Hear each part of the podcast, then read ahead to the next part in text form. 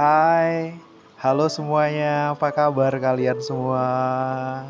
So, gimana? Udah mulai bosan dengan karantinanya? Hai, hai, hai, hai, hai, hai. Gimana nih yang kemarin kepingin libur, akhirnya dikasih liburan yang panjang banget ya.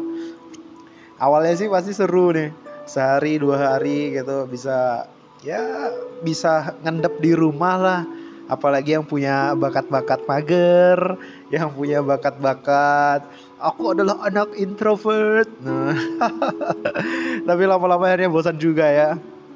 So di podcast kali ini kita akan ngebahas tentang DNA jadi DNA pasti kalian udah pernah denger nih DNA DNA tuh adalah informasi yang ada di dalam diri kita yang diwariskan oleh orang tua kita. Jadi contohnya Misalnya ayah kita rambutnya hitam, ya otomatis biasanya rambut kita hitam juga. Kemudian anggap saja ibu kita itu dari luar negeri atau misalnya dari Jepang gitu. Otomatis mungkin kemungkinan besar ya kulitnya akan ikut ke kita sehingga kita akan menjadi sebuah individu yang berasal dari DNA bapak dan ibu kita yang akhirnya membentuk sebuah informasi baru yaitu kita. Nah, sekarang ada pertanyaan, apakah DNA itu bisa dirubah? Jawabannya adalah iya. DNA itu adalah sekumpulan informasi yang ada dalam diri kita, yang memang bawaan kita, tapi kita bisa menciptakan DNA kita sendiri. Nah, sekarang gimana sih caranya menciptakan DNA kita sendiri? Caranya adalah dengan mempelajari sesuatu, mempelajari sesuatu yang orang tua kita nggak bisa. Misalnya gini, kedua orang tua kita adalah petani. Oke, berarti skill yang kamu bawa adalah skill bertani. Coba kamu tanam apa pun, biasanya sukses. Kenapa? Karena informasi itu ada di dalam diri kamu. Nah, sekarang bagaimana caranya kamu menjadi orang yang berbeda? Sekarang coba kamu belajar. Anggap saja kamu sekarang lagi belajar programming. Kamu nanti begitu udah bisa bahasa pemrograman, kamu akan menjadi seorang individu yang akan yang akan memberikan hadiah spesial kepada anak cucu kamu yaitu kemampuan untuk menjadi seorang programmer. Di sini kenapa saya nih aku aku tuh sering saya tuh sering banget ya bilang kayak gini Hai anak muda kamu tuh beruntung banget. Kamu hidup di zaman orang kalau belajar pemrograman itu gampang. Kamu tinggal beli buku atau kalau kamu males nih baca buku kamu bisa nonton video tutorial kamu bisa pakai akses internet kamu tuh belajar pemrograman. Dan kamu bisa menciptakan aplikasi pertama kamu tanpa kamu harus capek-capek apa? Capek-capek apa? Capek-capek pergi kuliah oh berarti kita nggak perlu kuliah? Ya perlu dong. Beda banget ceritanya. Orang yang benar-benar kuliah pemrograman dengan orang yang belajar otodidak. Tapi semuanya tergantung dari niat kamu ya. Sekarang gini. Selain yang unik nih yang unik nih selain DNA itu bisa dirubah DNA itu bisa dibangkitkan. Misalnya gini, buat kamu yang beruntung tahu siapa kakek kamu, siapa buyut kamu, siapa leluhur kamu, kamu bisa membangkitkan DNA itu kembali. Sekarang gini, Anggap saja kakek buyutmu memiliki skill tertentu. Kamu coba deh pelajari skill itu. Kamu akan kaget, nanti kamu akan dengan sangat mudah untuk bisa mempelajari skill itu. Ya gak sih? Coba deh, coba deh, pasti kamu akan kaget. Kenapa DNA kita itu menyimpan segala informasi, bukan hanya dari orang tua kita, bukan hanya dari kakek kita, tapi dari leluhur-leluhur kita yang sebelumnya. So, sekarang gini, apakah DNA itu bisa dirubah dengan semudah itu? Jawabannya adalah enggak juga. Paling enggak kamu butuh dua minggu. Paling enggak kamu butuh dua minggu untuk membuat diri kamu memiliki sebuah kebiasaan, memiliki sebuah kebiasaan yang kamu nggak bisa berhenti dari kebiasaan itu. Atau mungkin sulit untuk dirubah. Misalnya gini, kita kita ngebahas contohnya tentang minum air aja ya. Orang di kota atau kebanyakan orang di kota kalau minum air pasti pakai gelas.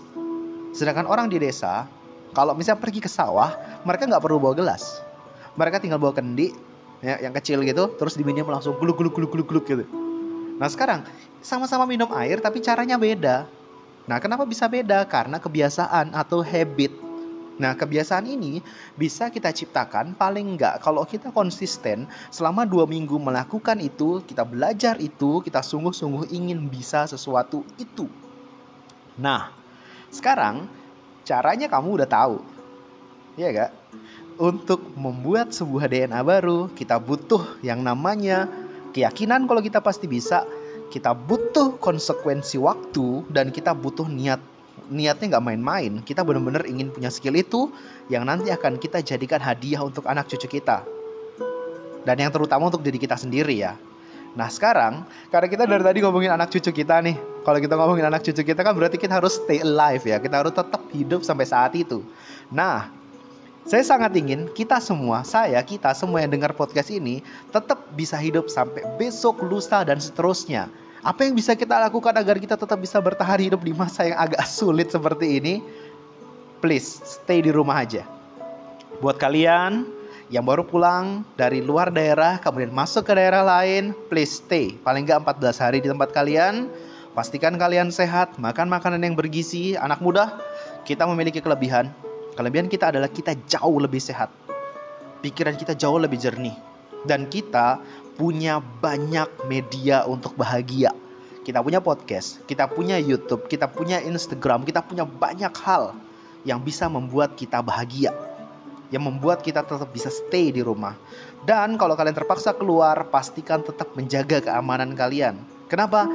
Karena saya ingin kita semua, saya dan kalian bisa menciptakan DNA baru, bisa membuat skill-skill baru yang nantinya akan kita jadikan hadiah untuk anak cucu kita.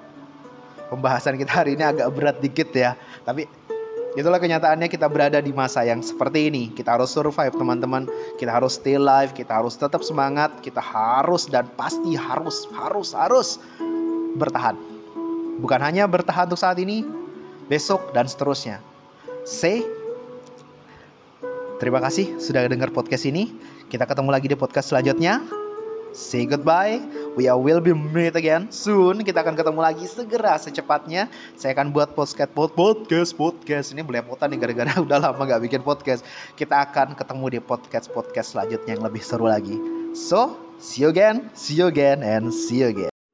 Hai, halo. Jadi hari ini kita buat lebih santai ya, karena ini hari Minggu. Harinya kita santai-santai, jadi obrolan kita nih lebih santai aja jadi saya buat podcast ini sambil ngopi, sambil nyantai-nyantai. Ah, seger banget. Oke, okay. uh, eh, tema kita hari ini adalah kenapa sih cewek lebih suka bad boy dibanding cowok baik-baik? Katanya. So, kita ngebahas apa dulu nih? Mau bad boy itu apa dulu? Atau cowok baik-baik itu apa dulu? So, gini aja deh. Kita mulai dari kenapa sih cowok baik-baik dalam tanda kutip ya kenapa cowok baik-baik itu nggak disuka sama cewek? Mulai dari situ aja gimana? Oke. Okay. jadi uh, gimana sih ciri-ciri good boy? Yang pertama tuh mereka sopan. Sopan dalam artian ya sopan gitu loh. Sopan ramah terus apa ya? Hmm, rapi kemudian penuh dengan tata krama. Ini nggak salah, ini serius ini nggak salah. Ini adalah standar cowok yang baik yang dibangun oleh masyarakat. Oke, tapi biasanya good boy itu terlalu. Di sini ngerti nggak sih artinya terlalu lebih dari biasanya. Misalnya terlalu garing. Mereka itu adalah orang yang bisa ditebak gitu loh. Misalnya nih besok ceweknya ulang tahun. Udah bisa ditebak lah dia adalah orang yang pertama kali mengucapkan ulang tahun.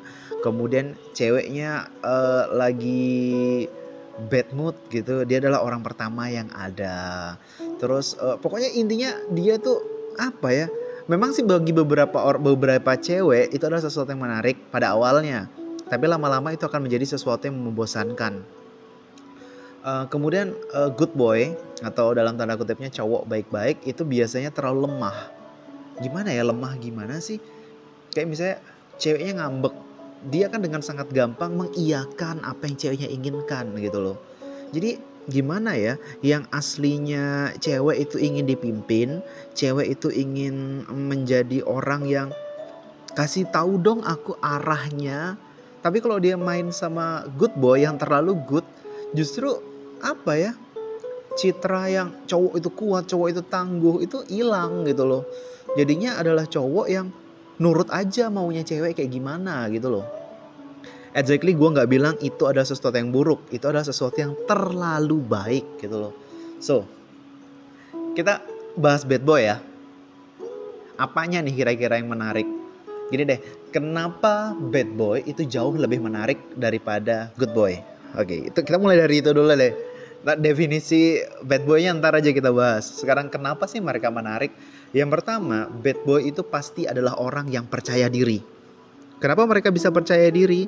Karena mereka nganggap ya udah lu suka sama aku ya terserah, nggak suka ya terserah. Ini hidupku. It's my body, it's my life, gitu loh.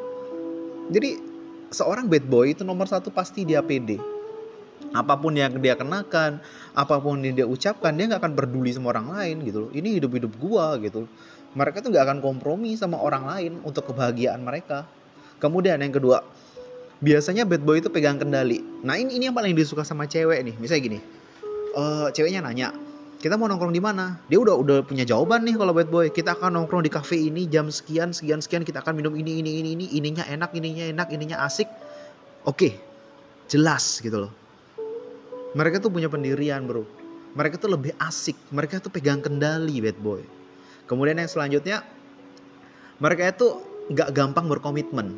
Ciri-ciri good boy adalah baru kenal sebentar, kemudian tiba-tiba kita udah kerap ya, ayo kita jadian. Enggak ada bad boy kayak gitu seriusan. Bahkan bad boy yang saya tahu, mereka lebih memilih untuk tidak berkomitmen. Dalam artian, sampai ceweknya nanya gini, kita udah kerap banget, aku udah nyaman sama kamu, tapi kenapa kamu gak nembak-nembak aku gitu. Bad boy akan bilang, kamu nyaman gak sama aku? Kalau nyaman ya udah, dan akhirnya ceweknya baper dan no terus dia bilang oh bad boy bla bla bla.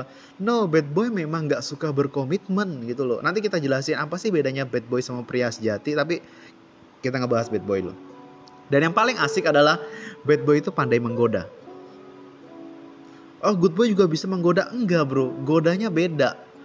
Gini loh godanya bad boy itu nggak ngumbar pujian. Kayak misalnya kamu adalah bintang bersinar. No no no. That's good boy.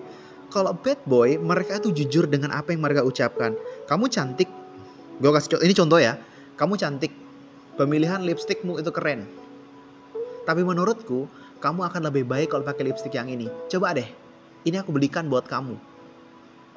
C mereka itu jelas gitu loh mereka itu kalau ngerayu itu bener-bener fisiknya ada, bendanya ada, kemudian kalau mereka ingin membuat ceweknya berubah jadi lebih baik, beneran mereka sediakan alat, bahan, dan effort untuk itu gitu loh. Bad boy itu jujur dan gak pernah malu untuk mengungkapkan dan gak pernah ragu untuk bilang kalau ada yang kurang dari cewek mereka gitu loh. So, sampai sini udah udah ada gambaran gak sih kenapa bad boy itu jauh lebih menarik daripada good boy? So, apa sih yang harus kita lakukan agar bisa mengalahkan bad boy yang suka nikung kita itu? Yang pertama kali kamu harus lakukan adalah jangan anggap mereka musuh. Mereka adalah makhluk yang tercipta oleh keadaan. Mereka adalah makhluk yang memang benar-benar ada dan mereka itu ya alaminya seperti itu gitu loh. Mau musuhin mereka juga nggak bisa. Mau benci dengan keberadaan mereka juga nggak bisa karena mereka yang memang seperti itu gitu loh. Nah sekarang yang harus berubah itu adalah kamu. Nah oh, berarti aku harus jadi bad boy? Enggak. Gini ada ada solusi. Kamu nggak perlu berpindah dari good boy menjadi bad boy. Nggak perlu. Ada satu solusi buat kamu. Solusinya adalah jadilah orang yang autentik. Autentik gini autentik itu apa autentik itu adalah asli aslinya kamu gitu loh. Misalnya nih kamu suka anime, udah udah kamu fokus aja di situ. Kamu fokus suka anime, kamu jadi wibu sejati, kamu bener-bener mengerti apa yang kamu suka, kemudian ikut event-event wibu, kamu akan bertemu dengan wanita-wanita wibu yang lain. Sesimpel itu sebenarnya. Tapi ingat autentik. Misalnya kamu suka musik, udah bener-bener kamu suka musik, mainkan gitarmu, bener-bener kamu ahlikan dirimu di gitar itu. Nanti akan ada cewek yang bener-bener suka dengan autentiknya kamu gitu loh. Bagaimana kalau aku adalah seorang kutu buku kan gak ada yang suka. Oh jangan salah bro. Kalau kamu bener-bener seorang kutu buku sejati, kamu akan benar-benar meresapi isi dari buku-buku itu kamu akan menjadi penghuni perpustakaan yang sangat-sangat keren sampai kamu sangat-sangat disukai sama pembina perpustakaan itu gitu loh. Dan nanti akan datang cewek-cewek yang juga punya hobi yang sama dengan kamu. Intinya, intinya gini. Kalau kamu bad boy, kau bisa dapat hampir semua jenis cewek. Kenapa? Ya karena seperti yang udah aku jelasin. Tapi kalau kamu bad boy, ya gini, ending dari seorang bad boy itu apa sih? Mereka itu akan jenuh gitu loh. Akan ada masa di mana mereka akan jenuh. Dan akan berubah menjadi pria sejati. Nanti kita bahas lah. Nah sekarang kita akan ngebahas tentang good boy. Oke, kita udah tahu ya ciri-ciri good boy tadi. Ro selalu sopan, selalu rapi, selalu terlihat apa ya? Terlalu ter, selalu terlihat seperti apa yang orang inginkan gitu loh. Nah sekarang yang harus kamu lakukan adalah menjadi autentik. Jangan siksa diri kamu. Jangan kamu berubah untuk membuktikan bahwa kamu pantas untuk seorang wanita. Tapi kamu lebih membuktikan kepada diri kamu sendiri kalau kamu adalah orang yang autentik. Kamu jangan pernah berkorban untuk siapa pun. Perhatikan guys, ini seriously, cinta tidak sebodoh itu dan cinta tidak setolol itu. Gini, yang harus kamu lakukan sekarang adalah menciptakan karisma kamu, menciptakan persona kamu yang kamu benar-benar nyaman di situ. Mau jadi wibu, wibu sejati. Kalau kamu mau jadi seorang pemusik, pemusik sejati. Kalau mau jadi orang yang suka olahraga, jadi orang yang suka olahraga yang sebenar-benarnya. Buat diri kamu benar-benar menjadi pria otentik yang ekspresif terhadap apa yang kamu sukai. Jangan takut. Ingat, gini, harta yang paling berharga bagi seorang laki-laki sebenarnya menurut saya adalah kamu benar-benar berpegang teguh dengan apa yang kamu suka. Setotal-totalnya, semampus-mampusnya deh. Nikmati, jangan peduli. So, jangan cari pengakuan dari siapa pun karena sebenarnya kenyamanan itu ada di kamu. Kalau ternyata cewek yang kamu suka ditikung sama bad boy, udah gitu loh. Jangan kamu berubah dan mencoba untuk jadi seorang bad boy. Tapi minimal kamu sekarang tahu kenapa mereka lebih menarik daripada kamu kalau kamu ternyata seorang good boy. Menjadi seorang good boy tidak buruk, tapi kamu pasti akan melewati ya, masa-masa yang sangat tidak mengenakkan. Saran saya adalah jadilah autentik. Buatlah DNA autentik dalam diri kamu. Buatlah diri kamu selalu berada dalam lingkungan yang menyenangkan. Oke, waktunya udah habis. Ini udah lama banget. So, thank you udah denger podcast kali ini. Kalau ada saran, kalau ada pertanyaan, langsung aja di chat, boleh di DM. So, say goodbye. Say goodbye, tetap stay at home. Buat kegiatan yang seru di rumah, kita akan ketemu lagi di podcast selanjutnya. Goodbye, goodbye, goodbye, dan kita akan ketemu lagi. See you again and see you again. Hai, halo. Gimana karantinanya? Oke, ini adalah podcast saya yang keselanjutnya yang kemarin saya buat sekarang saya buat lagi so kenapa saya buat karena saya harus produktif meskipun sekarang kita dibatasi uh, sekarang kita nggak bisa pergi nongkrong nongkrong lagi sekarang kita juga harus hati-hati bertemu dengan orang lain paling tidak kita harus tetap produktif dan menghasilkan sesuatu oke jadi saya lanjutkan bikin podcastnya oke sekarang kita ngebahas apa oh iya aku lo lupa. Jadi gini kemarin saya dapat DM dari seorang teman. Kok pembahasan yang kemarin nanggung banget sih? Kayaknya ada yang ngegantung gitu. Iya karena kemarin itu mungkin karena saya yang terlalu udah lama gak ngobrol kali ya. Jadi ngobrolnya jadi kepanjangan, jadi podcastnya jadi 10 menitan gitu kemarin. Jadi sekarang saya akan coba untuk lebih ringkas lagi. So, uh, yang teman saya tanyain adalah jadi otentik itu gimana sih sebenarnya simpelnya gitu loh.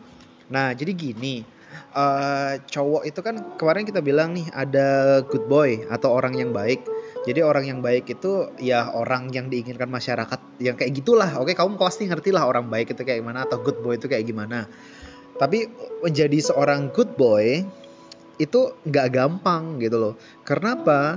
Karena kita akan selalu berusaha untuk berbuat baik kepada setiap orang yang belum tentu juga akan berbuat baik ke kita. Nah, kalau nggak dikasih dengan apa ya sebuah seni yang membuat diri kita nggak ngarep, seni yang membuat diri kita nggak ngarep, namanya seni bodoh amat gitu. Kita kan sakit terus gitu loh. Misalnya kita berbuat baik sama teman kita si A, tapi si A malah ngejelekin kita terus kita kecewa. Beda kalau kamu udah tahu sedihnya gitu loh kamu baik sama A dan kamu gak ngarep apa pun karena ya udah aku memang orangnya kayak gitu jadi bodoh amat gitu dia ternyata nggak baik sama aku juga nggak masalah gitu ah jadi kemarin kita ngebahas antara good boy, good boy seperti itu, kemudian bad boy. Nah, jadi bad boy itu sering sering sering banget ya disalahartikan. Bad boy itu bukan kriminal. Serius bad boy itu bukan kriminal. Dia adalah seorang laki-laki, seorang laki-laki yang gimana ya intinya dia nggak peduli dengan pendapat orang lain seorang laki-laki yang kalau nggak deketin cewek ya udah dia deketin aja ditolak ya udah tinggalin kalau misalnya dia suka ya dia ya biasa aja gitu loh jadi kesannya kayak ih nih cowok bad boy ya suka mempermainkan perasaan enggak kamunya aja mungkin yang terlalu berperasaan gitu loh Nah, kekurangan dari bad boy itu adalah mereka nggak bisa berkomitmen. Padahal bagi seorang laki-laki komitmen itu penting ya di masa ending-ending pencarian gitu loh. Karena suatu saat nanti kita akan lelah untuk melakukan hal-hal seperti yang dilakukan bad boy dan akhirnya kita akan berhenti di masa yang sudah saatnya kita berhenti dan saat itulah seorang bad boy atau seorang good boy akan berubah menjadi seorang laki-laki sejati. Sebenarnya definisi laki-laki sejati itu adalah orang yang sudah bisa dan berani untuk bertanggung jawab sih simpelnya kayak gitu. Oke, kita ngebahas tentang autentik ya. Jadi autentik itu asli. Asli dalam artian kamu itu bukan orang yang dibuat-buat, kamu adalah orang yang mengekspresikan diri kamu setotal-totalnya, semampus-mampusnya, senikmat-nikmatnya dan kamu nggak peduli dengan pendapat orang lain. Dan ketidakpedulian kamu dan ketotalan kamu itulah yang akan menjadi magnet yang menarik orang lain untuk mengucapkan kata-kata seperti ini. Wow, dia keren banget ya kalau lagi nyanyi. Wow, dia keren banget ya kalau lagi ngejelasin tentang sesuatu. Kenapa? Karena kamu autentik dalam hal itu gitu loh. Karena kamu benar-benar suka dengan hal yang seperti itu. Jadi gini, uh, untuk membuat diri kamu menjadi autentik, nomor satu adalah kamu pikirkan satu hal, kamu pikirkan satu hal yang kamu gak butuh siapa pun, gak butuh apa pun untuk bahagia. Kalau misalnya saya ambil contoh saya ya, boleh ya. Contohnya seperti ini. Saya adalah orang yang kalau sendirian terus dengar musik sambil baca buku, dunia itu hilang. Jadi fokus saya hanya ke musik dan buku.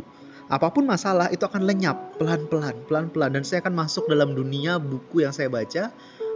Tiba-tiba udah satu jam gitu nah itu kalau saya ada temen juga yang uh, bener-bener gila mampus kalau lagi main musik gitu loh dia main gitar aja seru-seru seru asik-asik asik nyanyi-nyanyi tiba-tiba udah satu jam gitu loh Nah, kamu temukan hal seperti itu dulu. Kalau kamu sudah menemukannya, lakukan itu sebagai obat kalau nanti kamu dikecewakan oleh keadaan. Selama ini kita selalu diajari oleh orang tua kita, oleh lingkungan kita, kalau jatuh kakimu terluka obatin pakai betadin.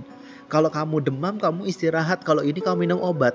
Tapi orang tua dan lingkungan kita jarang banget ngajarin kita kalau kita terluka bagaimana cara ngobatinnya. Cara ngobatinnya adalah seperti yang saya bilang tadi, temukan satu hal yang gak butuh siapa pun, yang benar-benar kamu bisa nyaman saat kamu melakukan itu meskipun kamu sendirian. Bisa baca buku, bisa dengar musik, bisa nonton film. Itu terserah kamu. Intinya kalau kamu sudah menemukan satu hal itu, hidup kamu akan lempeng banget. Oke, jadi, jadi intinya gini deh, uh, orang autentik itu biasanya cuek. Bukan cuek artinya antisosial ya, artinya cuek saat orang ih dasar wibu lu oh gitu. Oh dasar kutu buku ah gitu. Jadi ya udah santai aja gitu loh. Nah sekarang gini. Gimana caranya menjadi orang otentik dan bisa dikagumi sama orang lain? Dikagumi loh ya. Kita tuh terlalu banyak untuk ingin bisa sesuatu gitu loh. Terlalu banyak ingin bisa banyak hal gitu loh. Misalnya ingin bisa main musik, ingin bisa main bola, ingin bisa programming, ingin bisa ini itu. Kamu itu hanya satu. Oke lah mungkin kamu bisa semuanya, tapi kamu harus bisa satu hal yang benar-benar spesifik. Sampai orang bilang gini, aduh HP ku rusak, ah aku ingat si ini bisa perbaiki HP aduh komputerku rusak. Oh yang ini bisa perbaiki. Aduh lagi mau bikin backsound nih untuk tugas gitu. Ah hubungi si ini. Buat dirimu jadi orang yang bisa dibuat seperti itu gitu loh. Apa pun. Jadi gini uh, hal yang paling penting sih sebenarnya respect atau hormat atau apa sih? Simpelnya uh, apa sih hormatlah oh gini loh intinya hal pertama yang harus kamu lakukan untuk menjadi orang yang benar-benar nyaman untuk menjadi orang yang benar-benar autentik adalah kamu nomor satu harus menghormati diri kamu sendiri dulu setelah kamu berhasil membangun karakter kamu, setelah setelah kamu berhasil untuk membuat diri kamu dalam tanda kutip ya nggak butuh siapa pun untuk bahagia, kamu bahagiakan diri kamu dulu, baru setelah itu kamu mencoba untuk bahagiakan orang lain.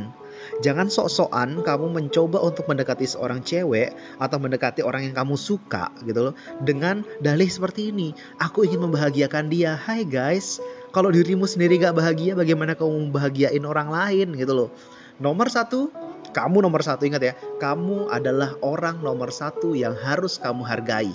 Kamu harus fokus sama diri kamu, buat dirimu bahagia, baru nanti kamu bisa membahagiakan orang lain. Gini loh, kalau kalau orang yang sudah bahagia tuh kayak punya magnet serius. Jadi kayak ih pengen deket terus deh, ih pengen ngobrol sama dia terus deh gitu loh. Nah, for next kita akan ngebahas tentang bagaimana caranya supaya kita bisa ngobrol asik sama orang. Oke? Sampai ketemu di podcast selanjutnya. See you again. Thank you. See you again. See you again and see you again.